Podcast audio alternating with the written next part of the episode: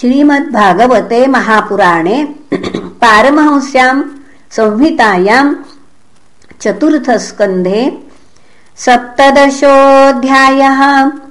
मैत्रेय उवाच।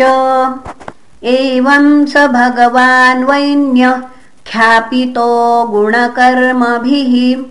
छन्दयामास तान् कामयि प्रतिपूजाभिनन्द्य च ब्राह्मणप्रमुखान् वर्णान् वृत्त्यामात्यपुरोधसः पौरान् जानपदान् श्रेणी प्रकृति समपूजयत्। विदुर उवाच कस्माद्दधार गोरूपम् धरित्री बहुरूपिणी याम् दुदोह पृथुस्तत्र को वत्सो दोहनम् च किम्? प्रकृत्या विषमा देवी कृता तेन समाकथम्। तस्य मेध्यम् भयम् देव कस्य हेतोरपाहरत्? सनत्कुमारात् भगवतो ब्रह्मन् ब्रह्मविदुत्तमात् लब्ध्वा ज्ञानम् स विज्ञानम् राजर्षिः काङ्गतिम् गतः। यच्चान्यदपि कृष्णस्य भवान् भगवतः प्रभोः। श्रवः शुश्रवसः पुण्यम् पूर्वदेहकथाश्रयम्। भक्ताय मेनुरक्ताय तव चाधोक्षजस्य च। वक्तुमर्हसि यो रूपेण गामि माम्। चोदितो विदुरेणै पुनः सुत उवाच चोदितो विदुरेणैवम् वासुदेवकथाम् प्रति प्रशस्यतम् प्रीतमना मैत्रेयः प्रत्यभाषत। मैत्रेय उवाच यदाभिषिक्तः पृथुरङ्गविप्रैरामन्त्रितो जनतायाश्च पालः। प्रजानिरन्ने क्षितिपृष्ठ एत्य क्षुत्क्षामदेहाः पतिमभ्यवोचन् वयम् जाराजञ्जाठरेणाभितप्ताम् यथाग्निना कोटरस्थेन वृक्षाः। त्वामद्य याताः शरणम् शरण्यम् यः साधितो वृत्तिकरः पतिर्नः। तन्नो भवानी हतुरातवेन्नम् क्षुधार्तितानाम् नरदेव देव। यावन्ननक्ष्म्यामः उज्झितोर्जा वार्तापतिस्त्वम् किल लोकपालः मैत्रेय उवाच पृथुः प्रजानाम् करुणम् निशम्य परिदेवितम् दीर्घम् दध्यौ कुरु श्रेष्ठो निमित्तम् सोऽन्वपद्यत इति व्यवसितो बुद्ध्या प्रगृहीतशरासनः।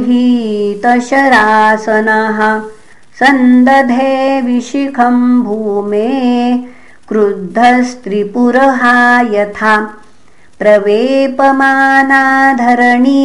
निशाम्योदायुधम् च तम् गौ सत्यपाद्रवभीता मृगीव मृगयुद्धृताम् तामन्वधावत्तद्वैन्य कुपितोऽत्यरुणे क्षणः। शरम् धनुषि सन्धाय यत्र यत्र पलायते सादिशो विदिशो देवी रोदसी चान्तरम् तयोः। धावन्ती तत्र तत्रैनम् ददर्शानूद्यतायुधम्। लोकेनाविन्दतत्राणम् वैन्यान्मृत्योरिव प्रजाः। त्रस्ता तदा निववृते हृदयेन विदूयता। उवाच च महाभागम् धर्मज्ञापन्नवत्सल। त्राहि मामपि भूतानां पालनेवस्थितो भवान्। स त्वं जिघांससे कस्मादीनामकृतकिल्बिषाम् अहन्निष्यत् कथं योषां धर्मज्ञ इति यो मतः। प्रहरन्ति न वै स्त्रीषु कृतागस्वपि जन्तवः।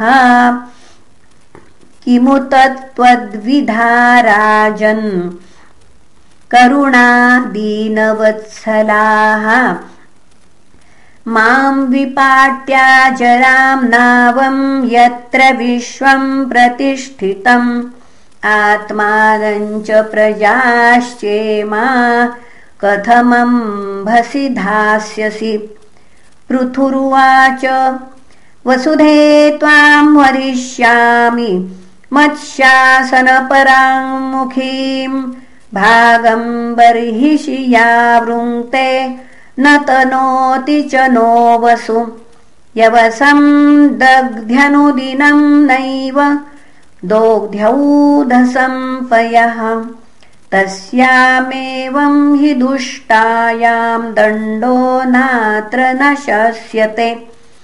त्वं खल्वोषधिबीजानि प्राक्सृष्टानि स्वयं भुवां न मुञ्चस्यात्मरुद्धानि मामवज्ञानमन्दधीः।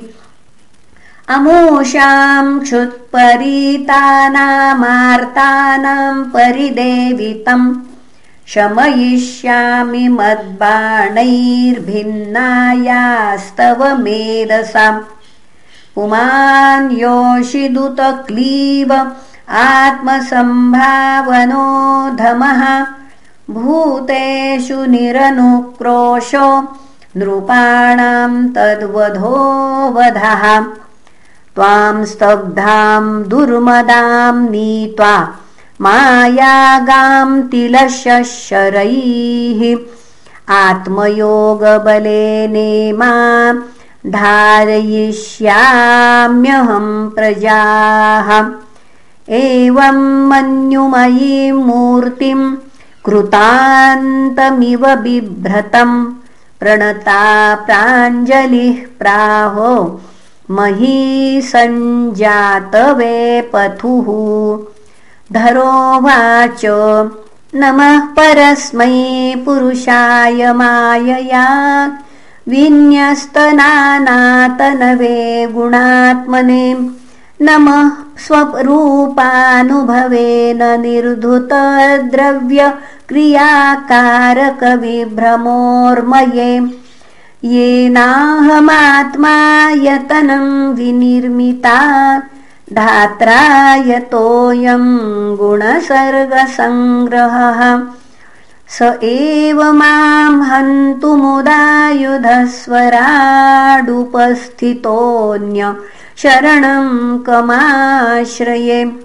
य एतदादावसृजच्चराचरं स्वमाययात्माश्रयया वितर्कया। तयैव सोऽयं किल गोप्तुमुद्यतः।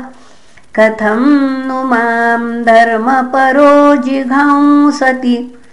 नूनं बतेशस्य समीहितं जनैस्तन्मायया दुर्जयया कृतात्मभिः।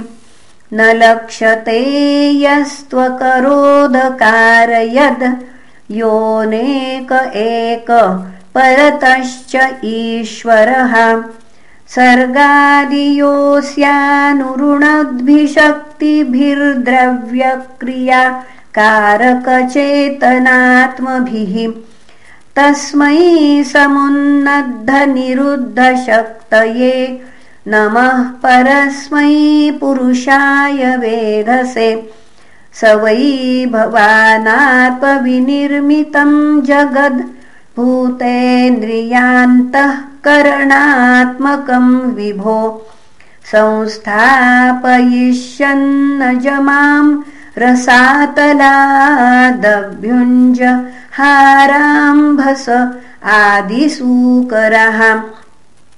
अपामुपस्थे मयि नाव्यवस्थिताः प्रजा भवानद्यं रिरक्षिषुष्किलो सवीरमूर्ति समभूद्धराधरो